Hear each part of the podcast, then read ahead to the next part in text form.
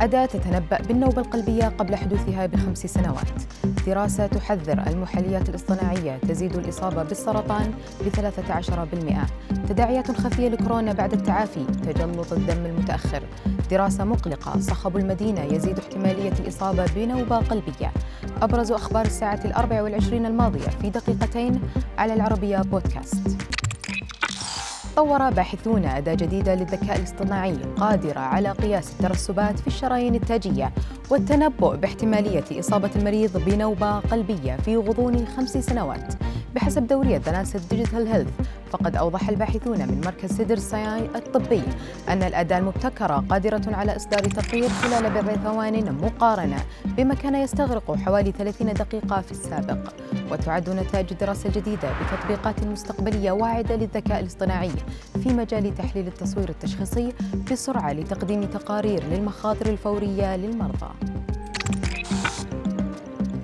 يضر تناول السكر كثر الصحة لكن استبداله بالمحليات الاصطناعية قد يزيد خطر الإصابة بالسرطان. وفقا لدراسة فرنسية حيث أن الأشخاص الأكثر استهلاكا للمحليات في هذه الدراسة يكونون أكثر عرضة للإصابة بالسرطان بنسبة 13% مقارنة بمن لم يستهلك هذه المواد. من بينها سرطان الثدي وأخرى مرتبطة بالبدانة. كما توصي منظمة الصحة بالحد من استهلاك السكر إلى أقل من 10% من كمية الطاقة نظرا للأضرار الناجمة عن تناول المفرط للسكر مثل زيادة في الوزن وأمراض القلب والأيض وتسوس الأسنان وغيرها. تداعيات نفسية واقتصادية لفيروس كورونا إلا أن الكثير من التأثيرات الصحية لا تزال تتكشف. فوفقا لدراسات روسية كشفت ظاهرة أطلق عليها تسمية التجلط المتأخر فيمكن أن يتطور تجلط الدم لدى المرضى المصابين بكورونا حتى بعد عدة أشهر من الشفاء. وقد أعلن طبيب روسي مختص بالمناعة أن التجلط المتأخر لن يكون مجرد تجلط بل يمكن أن تصاحبه سكتة دماغية أو نوبة قلبية أو انسداد رئوي.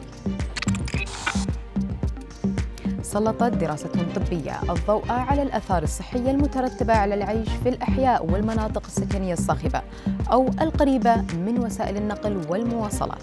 حيث خلص باحثون في كلية روبرت وود جونسون الطبية الأمريكية إلى أن العيش في حي صاخب قد لا يكلف الشخص قلة النوم فحسب بل يزيد أيضا من احتمالات الإصابة بنوبة قلبية. كذلك فإن العيش قرب الطرق ووسائل النقل يعني أيضا زيادة التعرض لعوادم المركبات وأشكال أخرى من تلوث الهواء. الأمر الذي يرفع احتمالات الإصابة بأمراض القلب أيضا.